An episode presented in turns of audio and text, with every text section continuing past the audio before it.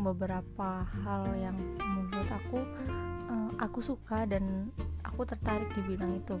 Uh, tadinya emang awalnya mengenal dunia administrasi perkantoran ya. Itu karena hanya sebuah keisengan yang gue bingung nih milih jurusan yang kayak gimana memilih akuntansi uh, kayaknya bakalan rumit deh deh hitung hitungannya terus mau milih uh, eh, TKJ atau multimedia uh, lebih rumit lagi gitu kan. Karena uh, jaringan atau mungkin uh, tentang komputer segala macam dan aplikasi-aplikasi lainnya. Nah karena emang tekad udah kuat banget sih mau milih SMK dibandingkan milih ke SMA akhirnya kayak ya udah gue ke administrasi perkantoran aja kali ya AP karena menurut orang tuh mungkin AP itu uh, lebih gampang dan kayaknya lebih mudah aja gitu dijalani dalam proses proses pembelajarannya. Nah uh, di situ juga kayak awalnya nggak suka cuman lama-lama ya menjalankan aja sih uh, sebenarnya dalam administrasi perkantoran itu nggak terlalu sulit ataupun mudah. Terus juga peluang kerja atau peluang uh, ke, uh, keahliannya itu pasti dimanfaatkan dan bisa di, digunakan di kantor-kantor ataupun sebuah instansi di mana kalau misalnya masih terdapat kantor atau PT-PT yang masih ada sistem administrasinya otomatis kita tuh bakalan ya bakalan bisa bekerja di situ gitu kan. Dan ya banyaklah yang menerima kita gitu. Tapi pas aku lulus dari kuliah mungkin pas lulus maaf pas lulus dari SMK aku keinginan buat kerja gitu kan. Tapi ya emang mungkin um, karena disuruh sama orang tua buat kalau bisa sekolah lagi kenapa enggak gitu kan? Akhirnya aku sekolah lagi kan kuliah dan kebetulan bingung lagi di situ. Tadinya aku sempet kayak ngerasa ah gue nggak mau masuk AP lagi karena proses ukom ujian komunik uji, ujiannya gitu kayak ngebuat uh, surat perjalanan pimpinan terus ngebuat surat dalam lima menit kayak ujian kompetensinya tuh bener-bener kayak dipres banget terus presentasi yang gugup. Itu kayak nggak meyakinkan oh gue kayaknya bukan di bidang ini deh. Gue tuh kayaknya gak ada bakat gitu. Tapi tiba-tiba pas di kuliah malah milih jurusan itu lagi. Ya ampun. Bingung banget sih sebenarnya. Yang udah kita nggak suka bidangnya tiba-tiba ya kita ketemu lagi gitu di um, kuliahan tapi nggak apa-apa. Hmm, berusaha mencintai asik. Mencintai apa yang kita pilih apa yang kita yakin. Kita yakin kok kalau misalnya kita ngejalanin dengan setulus hati kita dengan niat kita mau bisa pastinya bakalan tercapai gitu. Banyak banget uh, pelajaran yang uh, yang berharga gitu lah dari aku sekolah SMK untuk dipakai di sekolah di kuliahan. Salah satunya itu kayak kearsipan. Kearsipan itu sampai di kuliahan tuh karena emang jurusan aku sama ya kuliahan sama SMK itu karsipan aku ya lum, bukan lumayan sih ngerti lah di mana mana kalau misalnya temen aku kan SMA ya. E, mereka masih minim pengetahuannya dan baru mencoba berkecimpung di dunia administrasi pendidikan. Tentunya mereka pastinya ya belajar baru lagi. Tapi kalau buat aku ya bukan belajar baru sebenarnya nginget-nginget pelajaran yang udah aku jalanin gitu udah aku lewatin.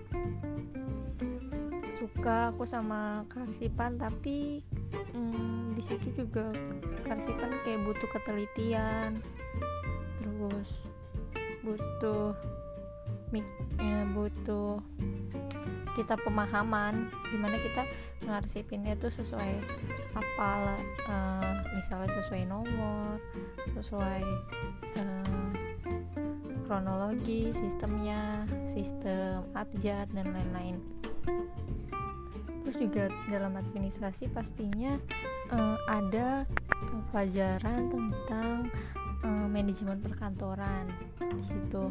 Nah manajemen perkantoran ini mirip banget sama pelajaran di SMK aku kayak tentang uh, tata kelola kantor kayaknya deh.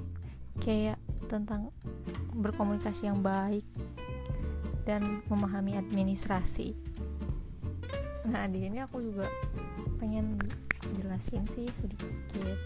Mungkin kayak tentang apa sih administrasi itu? Nah administrasi itu berasal dari bahasa Latin yaitu ade at and master at itu yang artinya intensif dan minister artinya melayani atau membantu bisa juga memenuhi sedangkan dalam bahasa Inggris yaitu administration yang berarti tata usaha dan dalam dan dalam KBBI itu usaha yang usaha dan kegiatan yang berkaitan dengan penyelenggaraan kebijakan untuk mencapai tujuan. Nah, administrasi tersebut adalah segenap proses penyelenggaraan kegiatan tata usaha yang dilakukan oleh dua orang atau lebih dalam kerjasama mencapai tujuan. Nah, dari pemahaman tentang administrasi itu sudah dijelaskan kalau administrasi itu adalah proses usaha dan kegiatan yang berkaitan dengan uh, kebijakan atau penyelenggaraan untuk mencapai tujuan. Pastinya di setiap kantor itu uh, ada uh, administrasinya. Gimana mereka mau mencapai tujuan kalau mereka tidak uh, ada sistem administrasinya?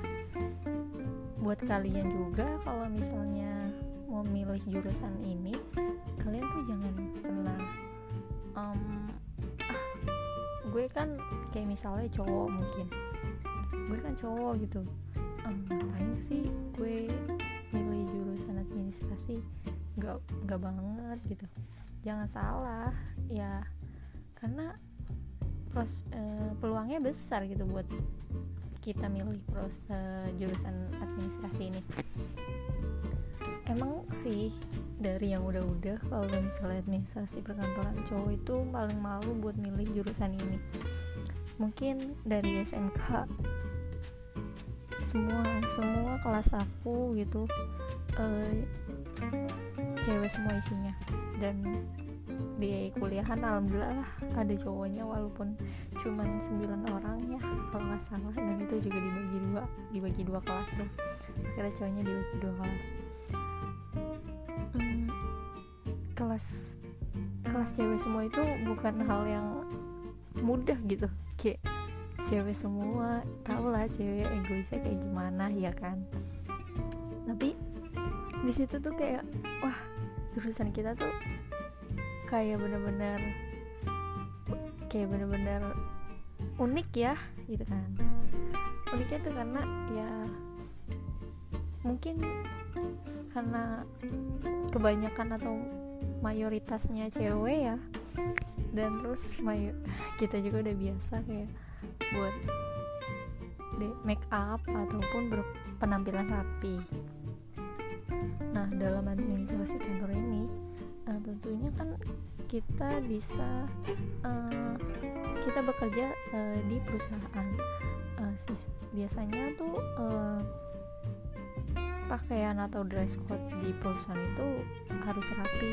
Kayak misalnya menggunakan kemeja terus menggunakan blazer. Kalau cewek menggunakan rok atau celana bahan kalau yang cowok itu menggunakan celana bahan. Dan menggunakan sepatu heels atau pantofel. Dan yang cowok bisa sepatu pantoffelnya juga.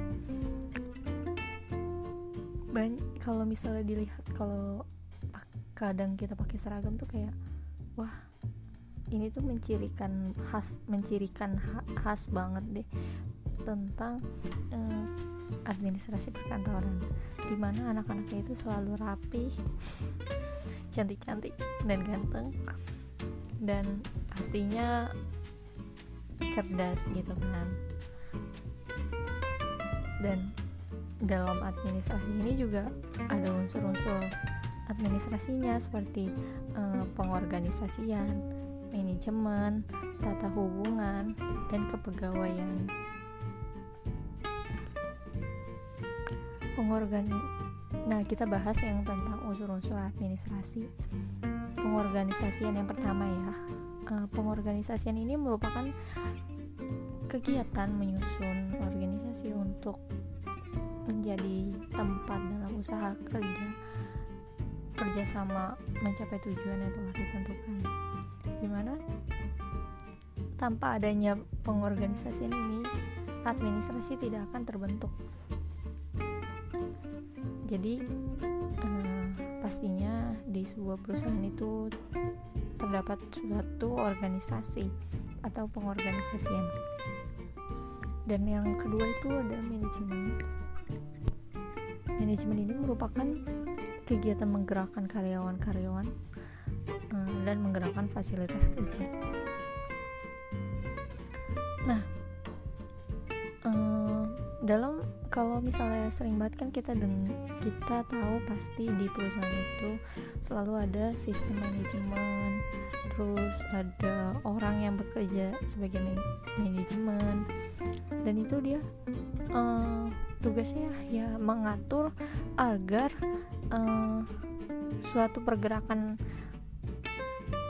karyawan dan pergerakan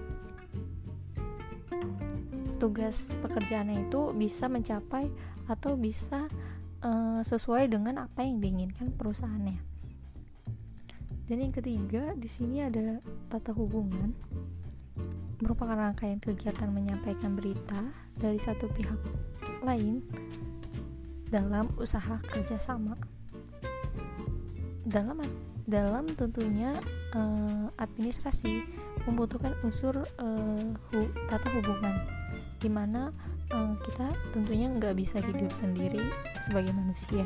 Nah, di sini juga perusahaan harus mempunyai hubungan yang baik dengan uh, perusahaan lain, kayak misalnya mitra, uh, terus um, bekerja sama dengan uh,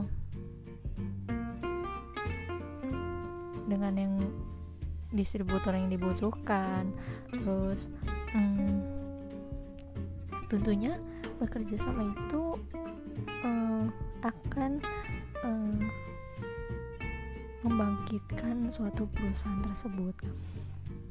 Dan di sini ada um, yang terakhir adalah kepegawaian. Kepegawaian itu adalah perbuatan mengat adalah mengatur mengurus mengurus tenaga kerja yang diperlukan dalam usaha kerja yang sama tentunya dalam perusahaan pasti unsurnya yang diperlukan adalah ke pegawainya gimana perusahaan mau mencapai target kalau kalau uh, perusahaan tersebut tidak punya atau tidak mempunyai pegawai. Sini ada fungsi administrasi yaitu uh, kalau aku di sini milihnya fungsi administrasi menurut Kuibel. Uh, 2001 ada lima jenis fungsi pendukung administrasi yaitu yang pertama fungsi rutin yaitu fungsi yang membutuhkan pemikiran minimal mencakup pengarsipan dan penggadaan yang B fungsi teknis yaitu fungsi yang membutuhkan pendapat keputusan dan keterampilan perkantoran yang memadai. Yang C di sini mungkin ada hmm, fungsi analisis yaitu fungsi yang membutuhkan keterampilan yang kritis dan kreatif disertai dengan kemampuan mengambil keputusan. Yang D fungsi interpersonal uh, yaitu um, fungsi yang membutuhkan penilaian dan analisis sebagai dasar pengambilan keputusan dan keterampilan yang memadai yang berhubungan dengan orang lain seperti mengkoordinir tim. Yang terakhir di sini ada um, fungsi manajerial, yaitu fungsi yang membutuhkan perencanaan, pengorganisasian, dan pemotivasian. Oke, um, kita lanjut terus juga administrasi perkantoran ini ada um, pengertian administrasi menurut uh, para teori misalnya George R. Terry dalam buku Office Management and Control, manajemen kantor adalah perencanaan pengorganisasian, pengordinasian, dan pengawasan pekerjaan kantor dan pelaksanaan untuk mencapai tujuan. Lalu di sini juga ada WH WH Evans dalam buku Administrasi Perkantoran Modern, Administrasi Perkantoran sebagai fungsi yang berkaitan dengan manajemen dan pengarahan semua tahap operasi perusahaan yaitu proses pengolahan data, komunikasi, dan memori organisasi. Dalam arti sempit, organisasi perkantoran adalah uh, semua kegiatan yang bersifat teknis, teknis ketatausahaan, dan suatu perkantoran yang mempunyai peranan penting dalam pelayanan terhadap pelaksanaan dan kelancaran pengembangan organisasi. Nah, dari beberapa pengertian tersebut disimpulkan kalau bahwa uh, administrasi perkantoran atau manajemen perkantoran adalah rangkaian kegiatan merencanakan, mengorganisasi, mengatur atau menyus, mengatur dan menyusun ya dalam kurung, terus mengarahkan uh, dan mengawasi um, dalam kurung melakukan kontrol serta menyelenggarakan tata tertib berbagai pekerjaan perkantoran atau pekerjaan ketatausahaan.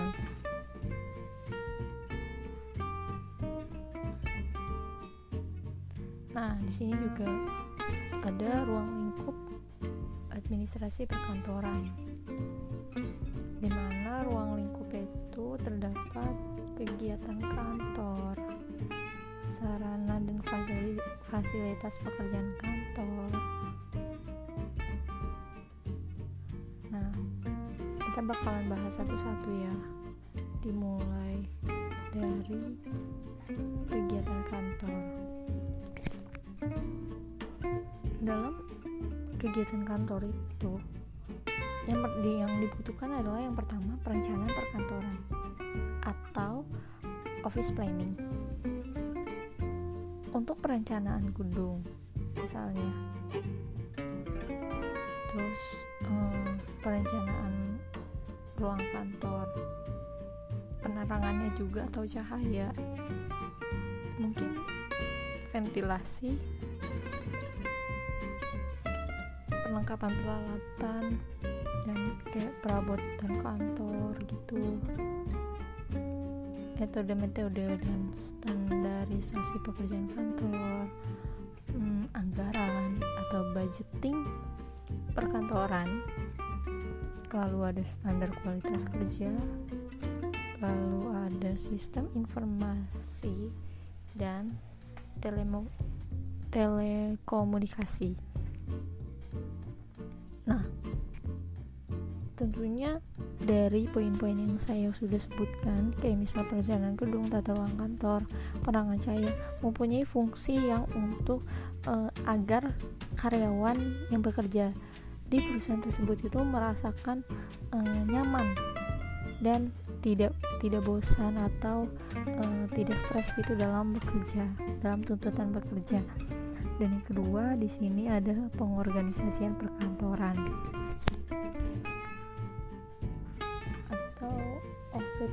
office organizing.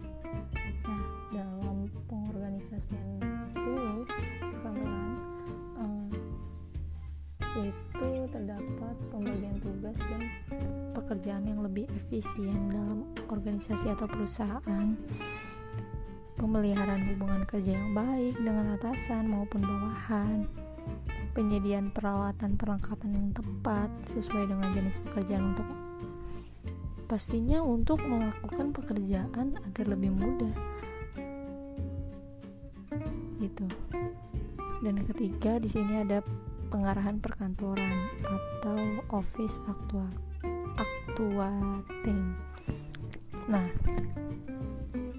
di sini terdapat poin-poinnya um, penggunaan teknik yang efektif dalam melakukan pengawasan terhadap bawahan terus penggunaan teknik yang efektif dalam memberikan motivasi terhadap bawahan pemberian bantuan kepada karyawan dalam memecahkan masalah ketika karyawan menghadapi kesulitan dalam pekerjaan penyatuan visi misi karyawan dan organisasi perancangan cara komunikasi dan efektif dengan karyawan agar uh, komunikasi antara atasan dan bawahan itu berjalan dengan lancar. Jadi dibutuhkan komunikasi yang efektif dengan karyawan.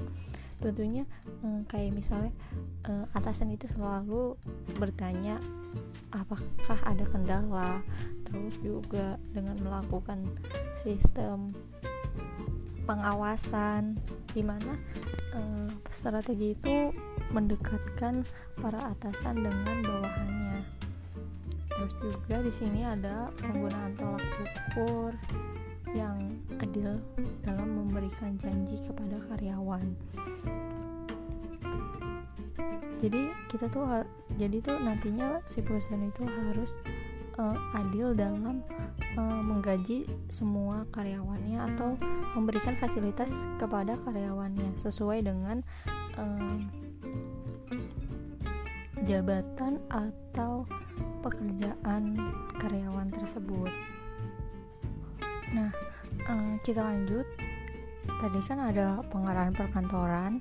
Nah, yang keempat ini adalah ada pengawasan perkantoran atau office controlling. Nah, terdapat uh, penggunaan peralatan dan perabotan kantor, metode-metode dan standarisasi pekerjaan kantor, kualitas-kualitas pekerjaan kantor, lalu juga ada waktu uh, pelayanan kantor waktu dan biaya perkantoran uh, jadi di sini poin-poin yang sudah saya sebutkan ini harus uh, diawasi dalam sebuah perkantoran di mana tentunya agar sesuai dengan uh, prosedur perkan perkantoran. Tadi uh, kita ngebahas yang pertama itu ke kegiatan kantor. Nah, selain kegiatan kantor, di sini juga ada sarana dan fasilitas kerja perkantoran. Nah, salah satunya yaitu uh, lokasi kantor. Faktor yang perlu diperhatikan dalam menentukan lokasi kantor yaitu ada faktor keamanan di mana uh, ini sangat penting ya tentunya kayak apakah kantor tersebut itu berada di posisi yang um, tentunya aman ataupun um, tidak aman? Karena kan kita kan mau maunya tuh kantor kita tuh berjalan dengan baik-baik aja gitu tanpa ada kendala. Jadi kita harus memperhatikan faktor uh, tersebut gitu. Terus juga di sini ada faktor lingkungan. Kita juga harus mikir uh, menentukan gitu. Perusahaan kita itu terletak di mana? Di padat pemukiman ataupun di tempat yang sesuai menurut kita. Faktor lingkungan ini juga kayak penting banget buat kita uh, penting buat kita terapkan atau kita gunakan dan di sini juga ada faktor harga. Ya you know lah kalau misalnya kantor kita terlalu mahal tapi uh, lingkungan yang gak mendukung dan lain-lainnya itu juga sama aja bohong gitu kan. Nantinya kitanya gitu yang nggak bisa menjalani perusahaan tersebut. Terus di sini juga ada gedung atau faktor yang dibutuhkan dan diperhatikan gitu ada menjamin keamanan dan kesehatan karyawan memiliki fasilitas yang memadai. Harga gedung juga yang kompetitif seimbang dengan biaya keuntungan. Biasanya gedung ini juga kalau misalnya buat uh, kantor yang uh, belum punya tanah ataupun belum punya bangunan ya jadi kita kayak kontrak gitu di gedung tersebut itu juga harus diperhatikan tuh yaitu menjamin keamanan kesehatan karyawannya memiliki fasilitas yang memadai gedungnya terus harga gedungnya juga yang kompetitif. Lalu di sini ada peralatan terdapat perabotan kantor of, atau office furniture. Itu eh, pastinya yang sangat dibutuhkan itu meja kursi, rak, laci-laci dan lain-lain. Terus juga perbekalan perkantoran, uh, kayak kertas, pena, tinta, mungkin penghapus, terus peralatan dan peralatan habis pakai lainnya. Kita juga harus memperhatikan interior uh, adalah tatanan perabot perangkat kantor yang menunjang pelaksanaan kerja dalam ruang kantor seperti penerangan ventilasi, plafon, plafon jendela dan hiasan kantor agar uh, kita nyaman gitu bekerja di situ atau uh, karyawan kita nyaman bekerja. Terus juga kita harus uh, di sini ada mesin-mesin kantor disesuaikan dengan prosedur kerja yaitu mesin-mesin kantor yang dibutuhkan dalam pekerjaan. Terus uh, metode kerjanya terus juga kebutuhan kantor kebutuhan kantor ini maksudnya mesin-mesin kantor itu disesuaikan dengan kebutuhan kantor. Oke di sini ada kegiatan administrasi perkantoran.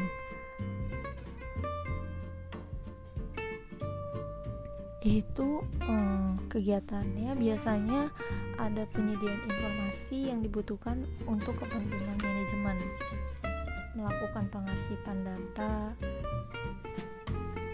yang mudah untuk mudah diakses kembali atau untuk um, mud agar mudah di saat kita membutuhkannya. Terus di sini juga ada pengadministrasian seluruh kegiatan, terus juga penginvestasian hmm, peralatan kantor Terus yang nomor 4 itu ada tujuan manajemen administrasi perkantoran. Nah, menurut manajemen perkantoran GL Terry dalam bukunya berjudul Office Management and Control itu eh, yang pertama membantu perusahaan memelihara persaingan. Yang kedua, memberikan pekerjaan ketatausahaan yang cermat. Yang ketiga, membuat catatan dengan biaya minimal yang keempat, memberikan semua keterangan yang lengkap dan diperlukan siapa saja, kapan, dan di mana saja hal yang perlu eh hal itu tentunya diperlukan untuk eh, pelaksanaan perusahaan secara efisien.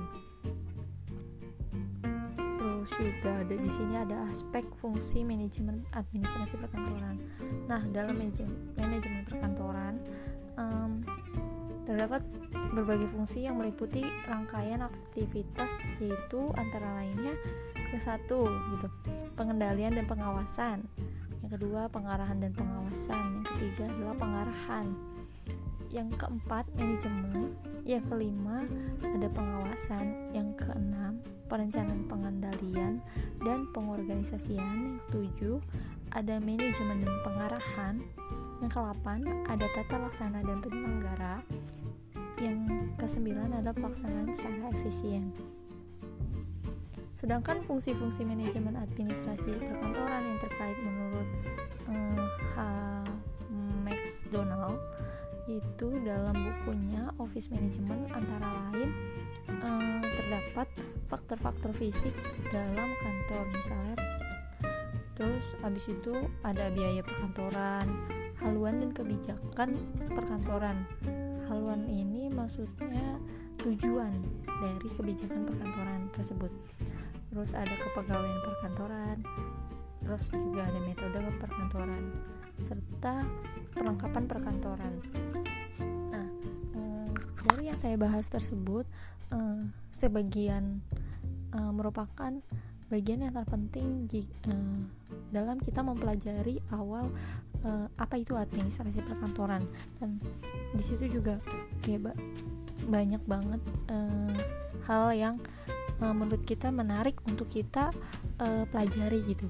Jadi uh, buat kalian kalau misalnya kalian nantinya bingung mau pilih uh, mau pilih jurusan apa dan mau belajar apa tentunya mengenal administrasi perkantoran ini sangat cocok nih buat kalian nggak nggak harus cewek ya tentunya uh, cowok juga peluangnya banyak apalagi sekarang yang dibutuhkan di perusahaan adalah uh, sekretaris atau uh, staff laki-laki yang mengerti tentang administrasi perkantoran.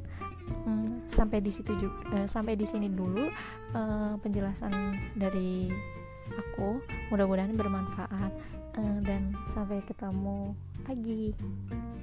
thank you